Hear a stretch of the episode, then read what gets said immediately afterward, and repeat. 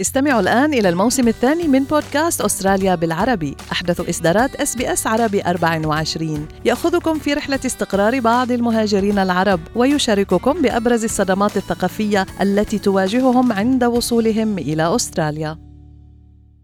أنتم برفقة SBS عربي 24 يعد المشي في الطبيعة أو السير في الغابات أحد أشهر الأنشطة الترفيهية في أستراليا.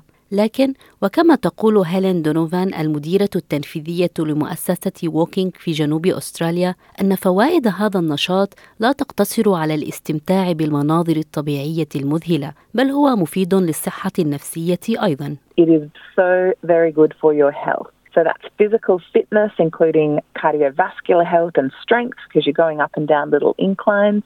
And of course, it is great for mental health too.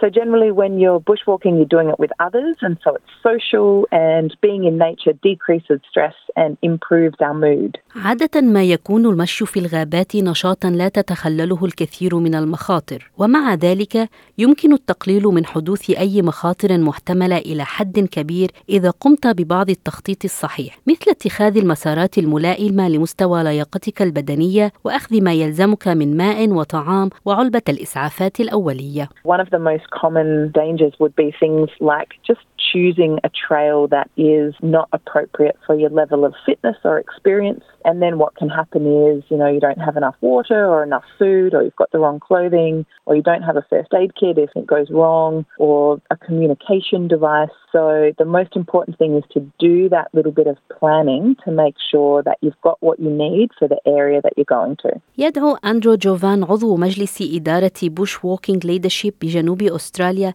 إلى ضرورة التنبه إلى أي وقت من العام تذهب فيه للسير في الغابات. Often people choose to go walking in the outback in summer, which is not necessarily the best time to do that because it's very hot and there's very limited services out there.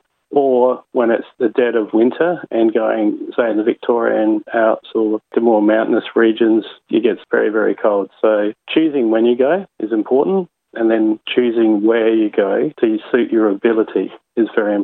تقدم متنزهاتنا الوطنية مجموعة كبيرة من الخيارات لمن يريد خوض تجربة المشي في الغابات. يوجد في أستراليا أكثر من 500 متنزه وطني تمتد من الساحل إلى المناطق الداخلية النائية وتتنوع بشكل كبير في الحجم وأكبرها هي حديقة كاكادو الوطنية في الإقليم الشمالي التي تبلغ مساحتها 20 ألف كيلو متر مربع. وينصح أندرو جوفان أن تأخذ بعين الاعتبار حجم المنطقة التي تريد استكشافها وأن تجري بحثا عن ظروفها وتتذكر مستوى قدرتك البدنية. Many national parks have very good maps, so look at where you might go. There's a national rating for difficulty of tracks. That's a really good start for planning out what you think you might be capable of doing. تتوافر الكثير من المصادر عبر الإنترنت لمساعدتك في تحديد المناطق التي تريد استكشافها. على سبيل المثال يوفر موقع aussiebushwalking.com قائمة بمسارات السير في الغابات التي أنشأها ممارسو رياضة المشي في الغابات لمن يودون ممارسة هذا النشاط، بحيث يمكنك العثور على مسارات جديدة والتعرف على الظروف المحيطة بها، ومن الضروري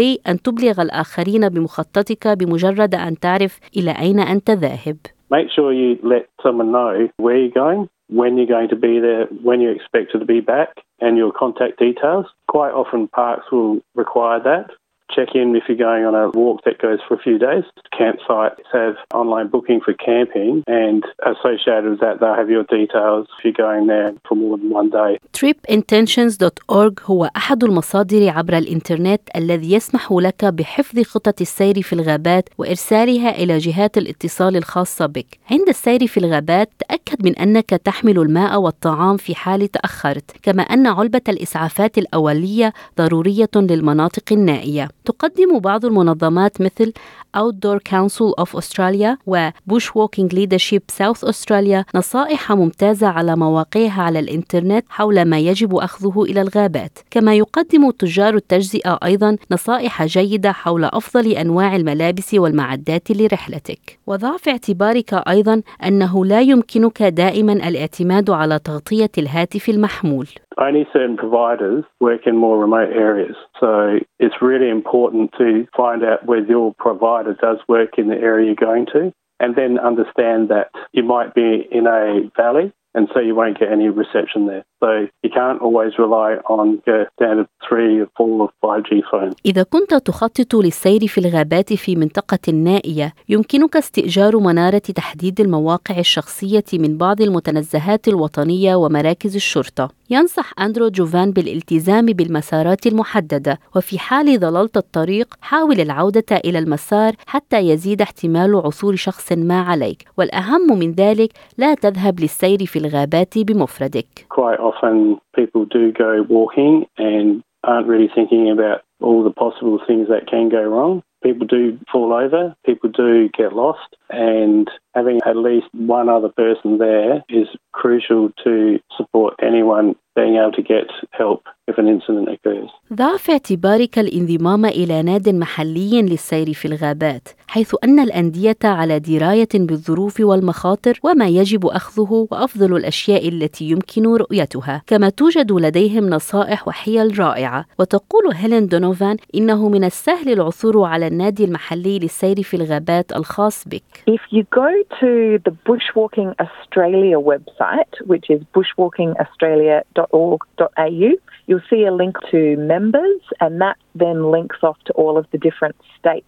Each state and territory has a bushwalking organisation that is the umbrella organisation for all of the different clubs in the state or territory. They'll be able to link you up to explore the different options in your area. يمكنك التمتع بالعديد من أنشطة السير في الغابات الرائعة في كل ولاية وإقليم. تم إنشاء First Hike Project في ولاية غرب أستراليا من قبل مجموعة من المتطوعين المتحمسين لتعريف الشباب اللاجئين والمهاجرين بمتعة المشي في الغابات. وقد توسع المشروع منذ ذلك الحين ليشمل ميلبورن وكامبرا وسيدني وبريسبن. لويس جورجنسون هي منسقة فيرست هايك بروجكت في غرب أستراليا. We make sure all our guides are experienced and have done first aid training and they all have working with children checks. We are dealing with some who are under 18. The idea is to take them out into nature, make them feel welcome, ensure that they're safe at all times. إن الفرحة التي يشعر بها هؤلاء الذين يسيرون في الغابات لأول مرة تبدو واضحة جدا.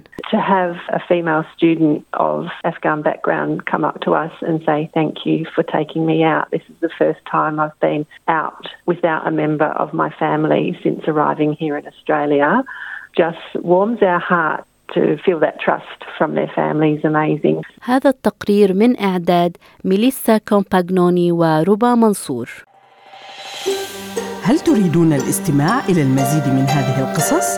استمعوا من خلال أبل بودكاست، جوجل بودكاست، سبوتيفاي أو من أينما تحصلون على البودكاست